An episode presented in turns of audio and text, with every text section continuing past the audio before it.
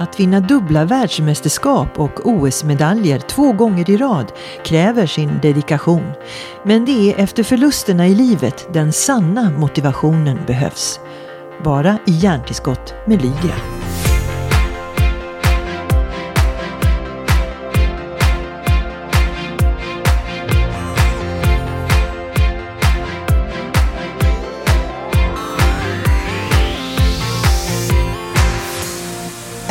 Så.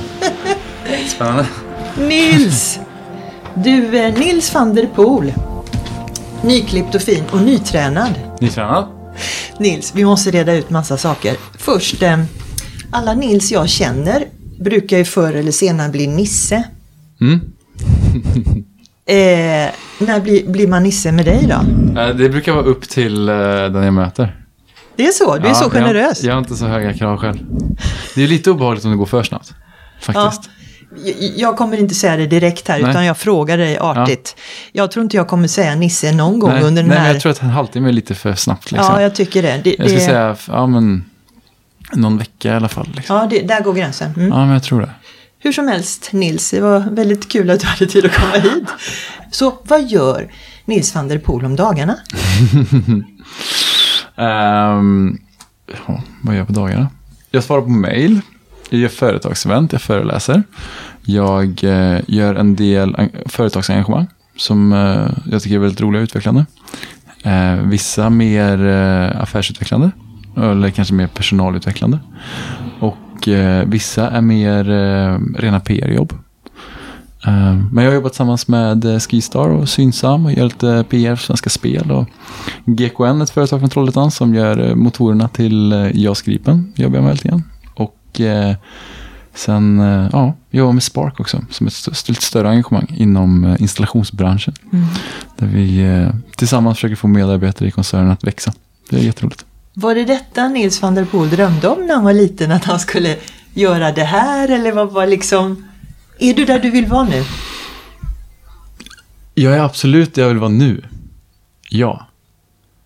Jag, på sikt så vill jag ju bygga ett större engagemang.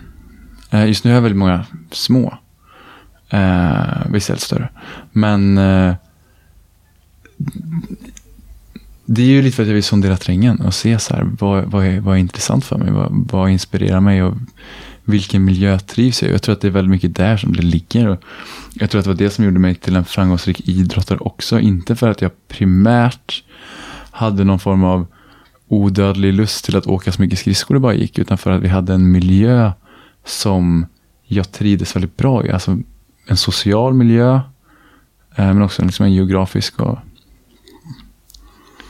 och det tror jag är mycket viktigare än exakt vad man gör. Det är så härligt när du säger gör, för jag är ju född i Borås och då känner jag mig Ja. hemma när man gör den här gör-grejen. Men du, det här med geografiskt och socialt och, och sådär. Eh, du, du har ju sagt vid något tillfälle att du har inte valt dina drömmar, vare sig på natten eller på dagen. Och hade du valt så hade du inte valt 10 000 meter skridsko. Och då blir jag så här förvirrad, för jag menar någonstans måste du väl ha satt upp ett mål kring, kring detta. För vilken person börjar frivilligt åka runt, runt, runt, runt? ja, det finns det gott om människor som har gjort. Tydligen, men, men att det blev just så för dig då? Ja, absolut. Nej, men jag tror, jag tror det är viktigt att skilja på vad en dröm är och vad ett mål är. Eh, en dröm är ju liksom en, s- ah, jag vet inte, det är något man har inom sig, liksom en, någon form av eh, självbildsprofetia eller vision av en självbild kanske. Eller något åt det hållet. Men ett mål är ju mer något uttalat som man faktiskt strävar efter. Ehm, och om ens mål kan vara baserade på ens drömmar så tror jag att man kommer att bli lycklig i längden.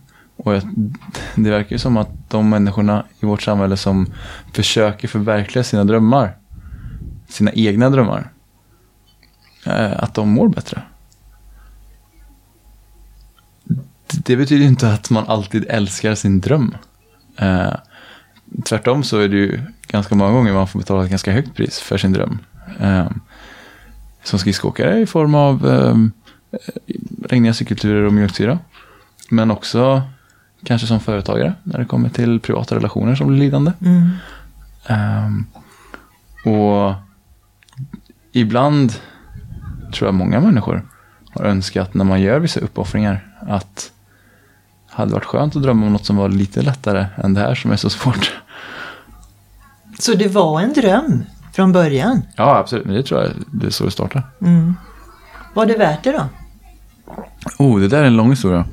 Var det värt det? Ehm, Du försakade rätt mycket redan från början liksom. ja, men precis. Och när jag ser tillbaka på min karriär så inser jag så här, oj, det här var ju jättebra gjort. Vad glad jag är att jag gjorde det här. Ehm, och framförallt på det sättet jag gjorde det på de senaste åren. Och det är ju svårt.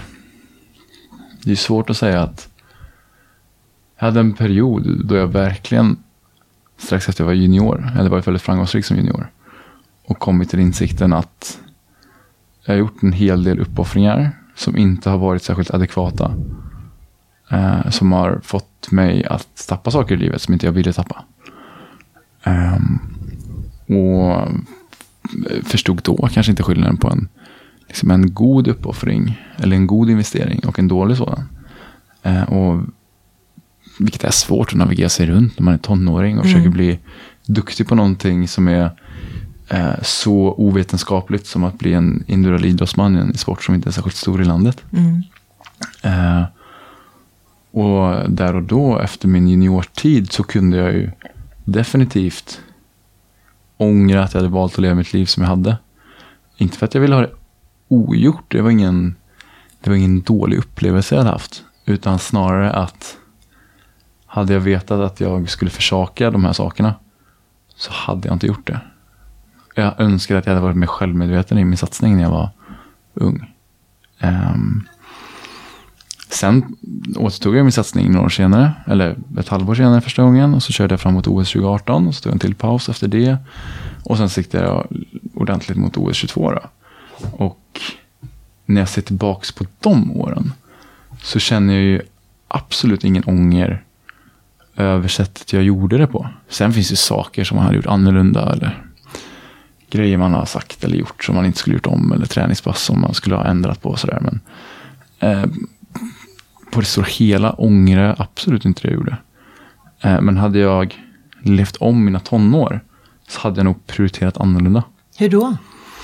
Ehm, För det du säger lyssnar ju andra unga idrottare på nu också, antar jag. Och även andra som, som vill satsa på någonting. Så det är spännande att höra vad du tänker svara nu. Nej, men vissa människor säger så här, jag ångrar ingenting. Och då tänker jag så här, ja, då har du nog inte gjort så mycket.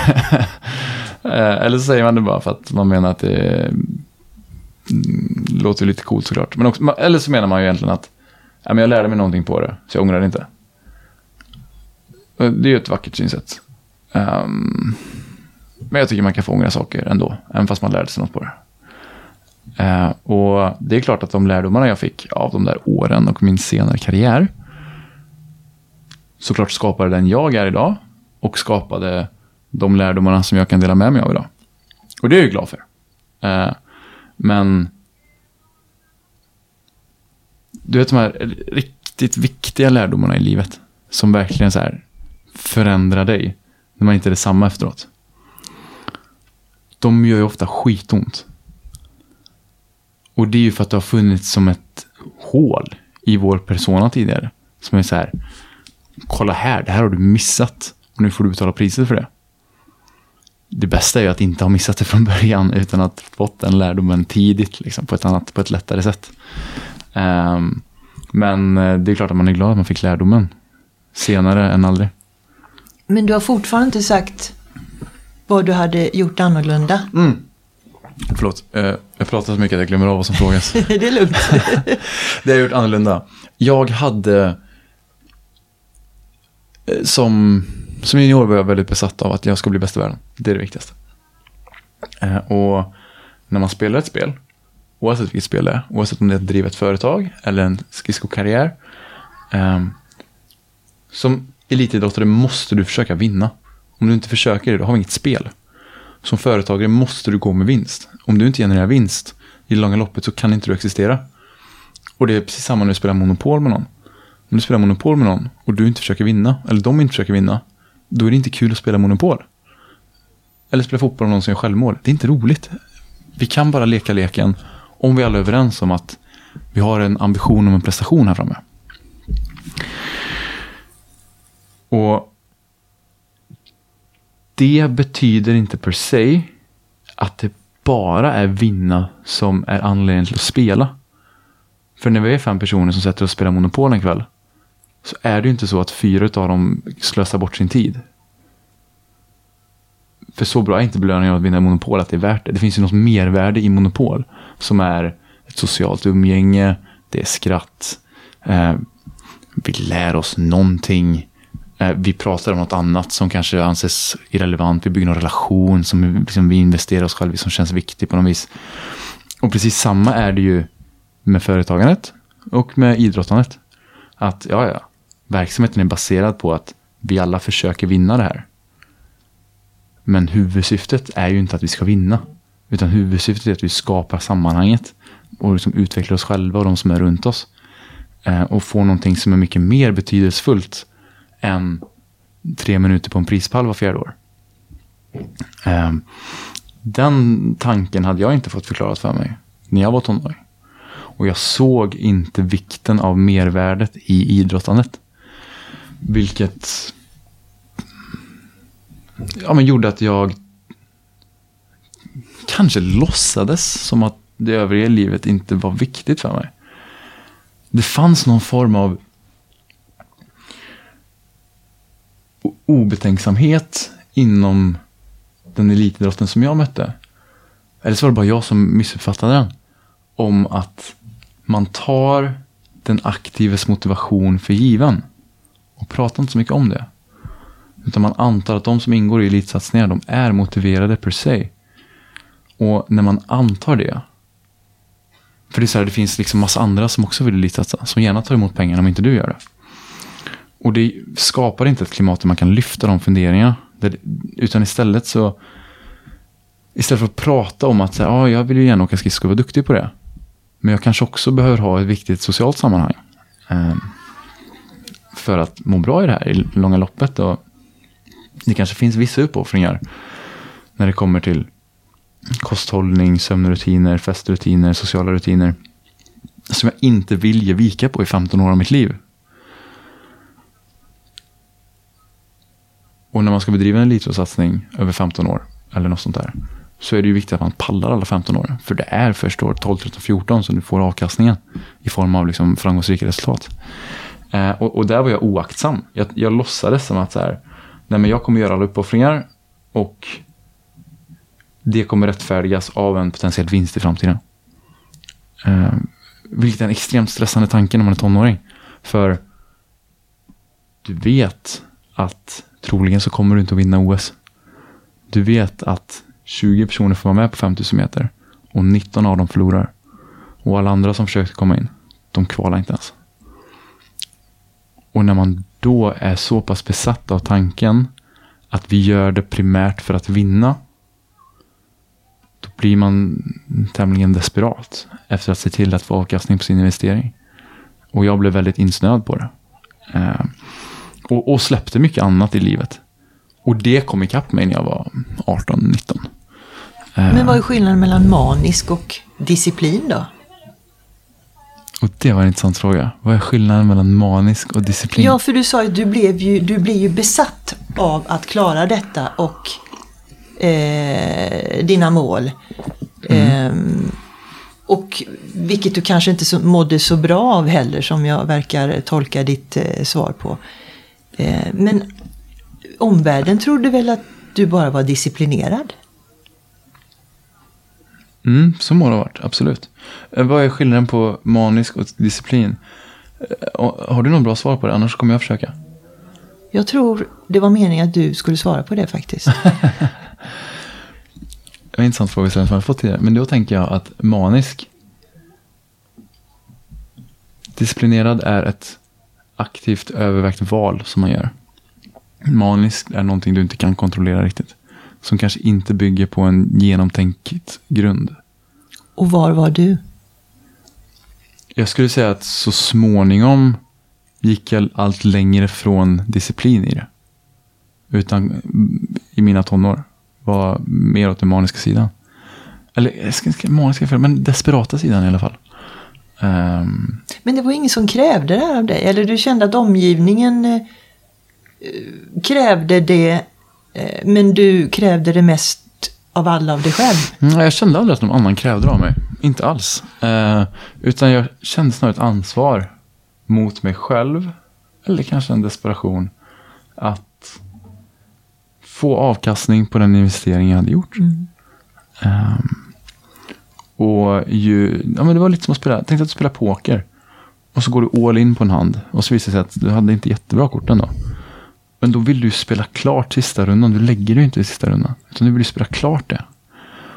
Och det var ungefär så jag brukar förklara mina tonår. Fram till att jag vann det här junior-VM. Um, ehm, att jag var så investerad i det. Och jag visste inte. Alltså så småningom, man bygger ju en vardag runt sin verksamhet. Och att då helt plötsligt lämna verksamheten. Då hade jag ju ingenting. Det var ju fruktansvärt läskigt. Så jag tror att mot mig själv, jag ville få resultaten som jag upplevde att jag hade jobbat för. Eh, men jag vågade heller inte släppa det, för jag visste inte vad alternativet var. För jag var ju en idrottskille, det var ju det jag var när folk pratar om dig så säger de, ja men Nils är en sån likable person. Alltså det är lätt att tycka om honom. Var du en sån poppis när du växte upp i Trollhättan också eller var du nörden? ja, fint att höra om sig själv. Um, i, I perioder var jag uh, poppis, skulle jag absolut säga. Uh, när jag väl börjar träna mycket och avsäger mig väldigt mycket, inte liksom uh, explicit avsäger mig. Men eh, genom hur jag agerar avsäger mig väldigt mycket sociala relationer. Mm. Då är det klart att eh, mycket av de vännerna som jag tidigare var tajt med förlorar ju den fina vänskapen till. Mm. Absolut. När man träffar dig och när man läser intervjuer med dig, de är inte många, du är lite sportens garbo sådär, eller har varit liksom. Du har hållit dig undan sådär. Eh, är det medvetet? Alltså jag, är, jag har ju aldrig varit ute efter offentligheten egentligen. Nej. Uh, när jag blev skridskoåkare så, när jag var liten och skulle förklara vad skridskor var för någon. Någon frågade vilken idrott jag håller på med. Så, ja, men jag åker skridskor. Och så, ja, eh, konståkning eller? Så, nej, nej, jag åker inte konståkning. Jaha, men vilket hockeylag är det du spelar i då? Så, nej, jag, um, har du sett på OS när alla trillar och killen som ligger sist vinner? Ja, ja det har jag sett. Ja, det är typ som det, fast det är inte riktigt det. Det var ju så jag fick förklara det. Och jag hade ju aldrig en tanke på att media någonsin skulle bli intresserad av det jag höll på med. Um, jag minns jag gjorde en intervju med en kompis för något år sedan. Och då sa han så här, Nils du kommer kunna vinna hur många VM-guld som helst, ingen kommer bry sig. Vinner du OS så får du leva med kändisskapet sen. Men fram till dess är ingen som kommer bry sig. Och jag trodde knappt att någon skulle bry sig då heller egentligen. Um, ja, sen blev hela min story så uh, fotogenik att uh, ja, men det slog hårt i media. Liksom. Um, och då var det bara att hantera det. Och jag hade väldigt bra folk runt mig, både från min tidigare coach Mattias Hadder som stöttade mig mycket i det, men också från Olympiska kommittén. Mm. Sen är du lite, din pappa är eh, holländare. Eh, mm. och, eh, Eller farfar är holländare. Farfar är holländare, så är det ja. Och då eh, kanske det finns lite därifrån att i Nederländerna, i Nederländerna så är ju sporten stor. Mm. Jo men det stämmer, Den är, absolut på gott och ont ska jag säga att jag har det efternamnet. Det är ju å ena sidan ganska bra, man blir ihågkommen sådär. Eh, för att det är lite speciellt efternamn.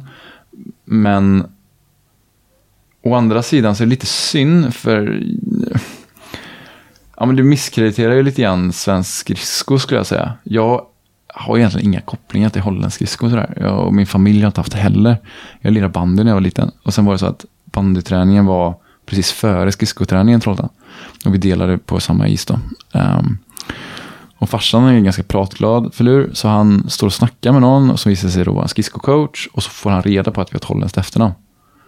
Och då säger han, ja men då ska ju grabben åka skridskor och inte hålla på med bandy.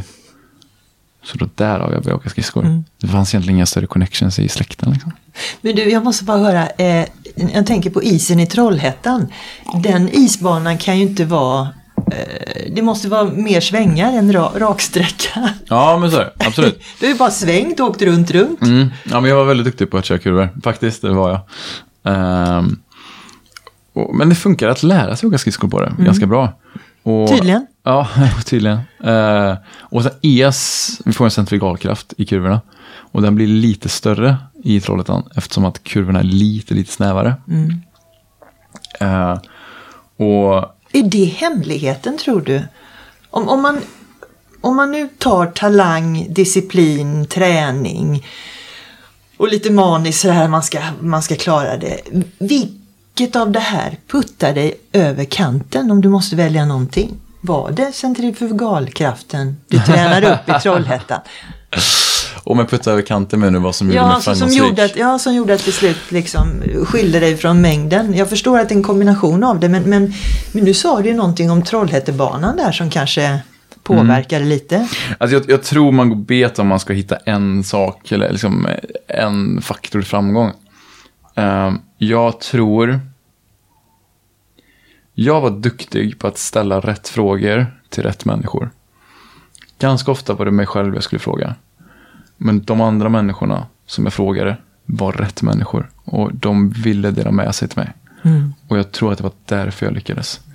Eh, för att jag blev inspirerad av folk som var betydligt mer kompetenta än vad jag var. Jag tänker lite på Forrest Gump när jag tänker på dig. Alla bra grejerna. Du kör runt, runt, runt, runt och han bara sprang, sprang och visste inte var han var på väg och till slut så fick du veta vad ditt mål var och här är du. Några år senare. Ja, men jag tror ändå att mitt, liksom, alltså det här resultatmålet fanns väl där alltid egentligen. Det var inte så att jag fumlade i mörkret efter ett, ett mål. Målbilder är alltid haft väldigt, väldigt tydligt. Ehm, på gott och ont ska jag säga, för man gör... Det, vissa människor har ju inte så tydliga mål i livet. Alltså man, vissa av dem är till och med jätteframgångsrika. Ehm, men de kan hävda så här, jag har aldrig haft några mål. Jag, en, en, en kompis som eh, driver ett stort svenskt företag. Eh, som hävdar att nej jag har bara gått till jobbet och gjort så gott jag kunnat och så nu har jag landat på den här fina vd-posten. Och det är så här, ja. Ehm, men alla mål är ju inte uttalade att om tio år ska vara här. Och alla mål är inte ens uttalade. Alltså när vi ska gå ut härifrån och ta en kaffe så då har ju vi någon form av ambition att öppna den här dörren som är där borta. Och det är ju ett mål även fast det inte är explicit. Um, men jag är ju helt övertygad om att ju mer komplext moment man ska genomföra desto tydligare måste man definiera exakt vad som ska ske. Så att man är säker att man lyckas med det man faktiskt försöker företa sig. Och inte någonting som bara liknar det. För det är väldigt lätt att man lyckas med någonting som bara liknar det. Um, om man ska göra någonting som är så komplicerat som att vinna ett OS-guld till exempel. Då är det ganska lätt att man i en träningsprocess bara försöker vara den som passar in bäst i träningsgruppen. För man, någonstans så vill man ju liksom vara i centret av kulturen. Mm. Och så missar man helt plötsligt att, nej men vänta lite här nu. Det jag ska lyckas med som idrottsman, det är ju att jag ska ju särskilja mig från kulturen. För killen som får stå högst upp på podiet, det är ju han som är annorlunda. Han som får den här guldmedaljen, det är ju killen som, han är ju en outsider. Han får ju de där applåderna för att han är inte som oss. Han är annorlunda på precis rätt sätt. Och där är det ganska svårt att se skillnad på de här två målbilderna. Är målet att vinna tävlingen? Eller är målet att passa in i kulturen? Men om man ska gå till sagorna så är det ju faktiskt så att hjälten, hjälten föregås av dåren. För det är bara en dåre som åker till en drake med ett svärd och tror att han kan besegra den där draken. Men det är också bara dåren som kan komma hem med prinsessan i så fall. Uh, men det är inte särskilt kul att vara den där dåren alla gånger. Uh, mm. Det är väldigt roligt och lätt att prata vinster med dig nu när man sitter här med facit i hand. Men det är sällan man pratar förluster med dig. Och förluster definierar oss också, formar oss också. Och jag har faktiskt ringat in några som jag tror eh, har blivit lite kapitel i ditt liv på olika sätt.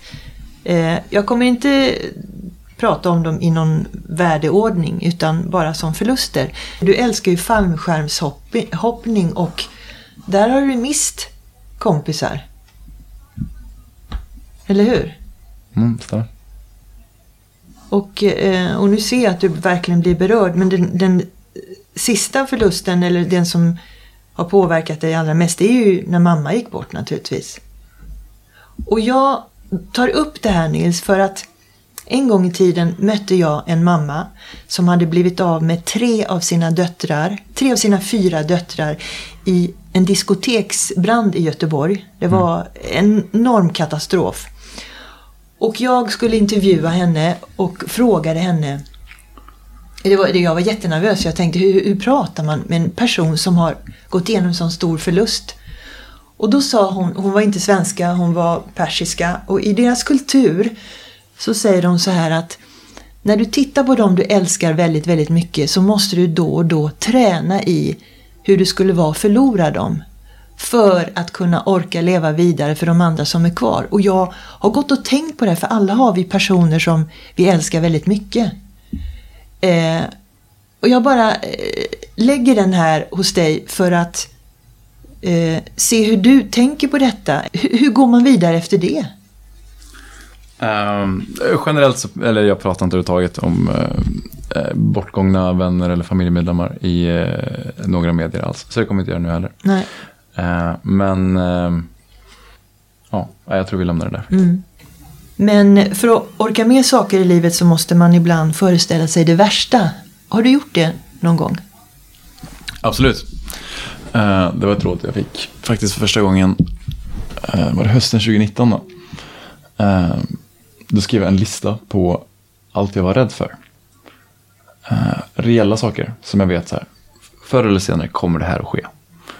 Eh, och jag ser inte fram emot det överhuvudtaget, tvärtom. Eh, och sen så på nästa sida i min lilla anteckningsbok så skrev jag som en instruktion till mig själv.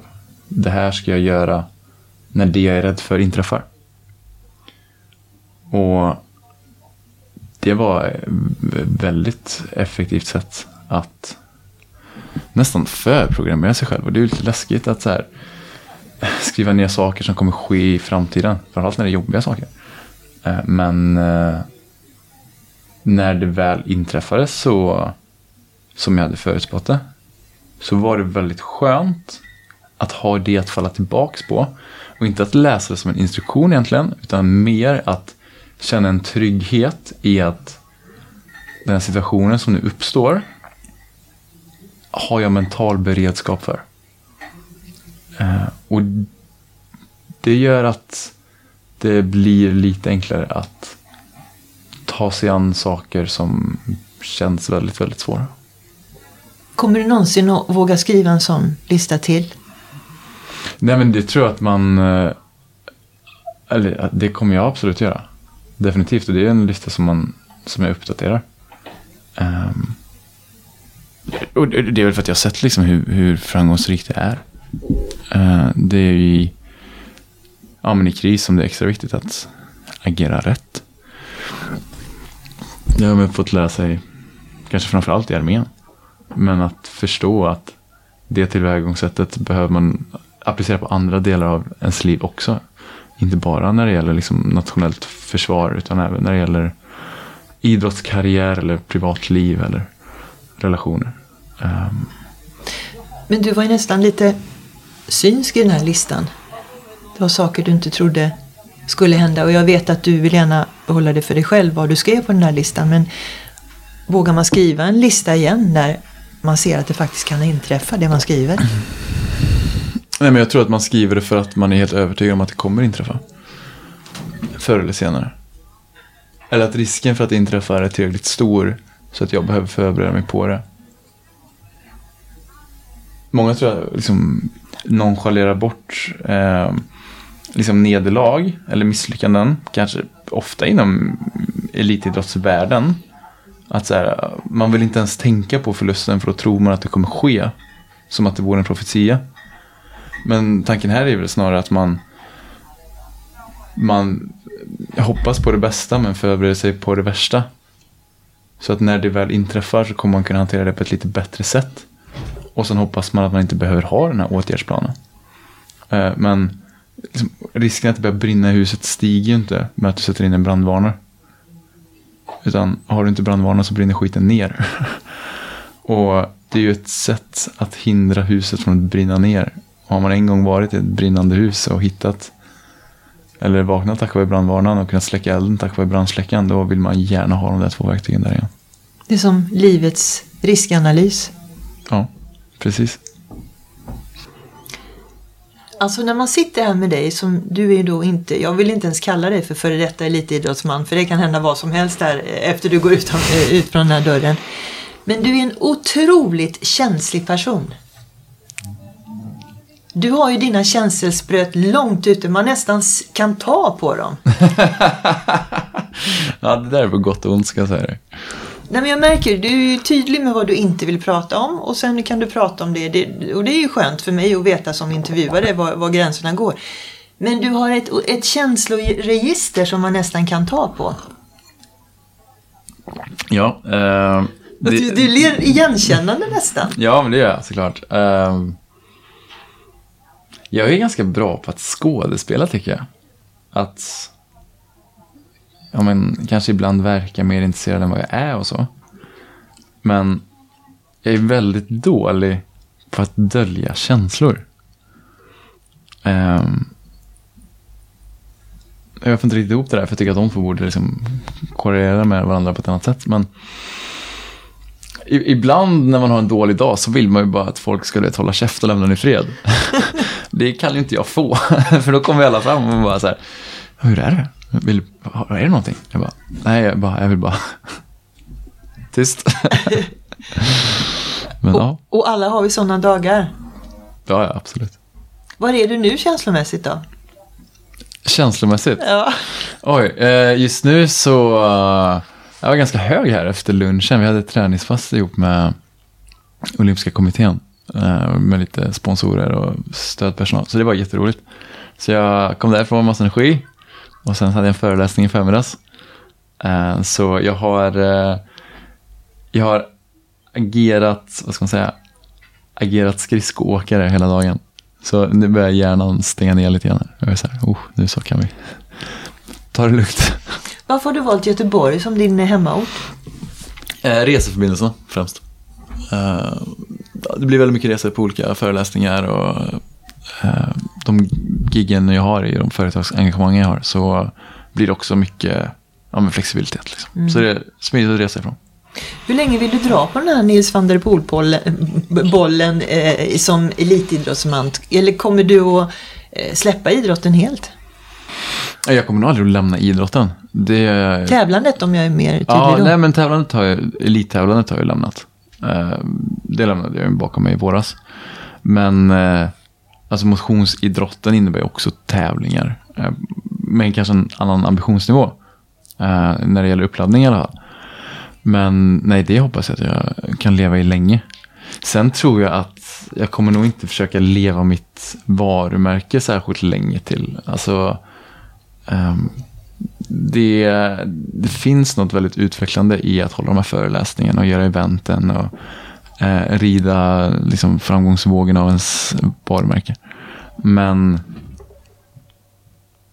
efter ett tag så är man ju en relik som talar om det man en gång var.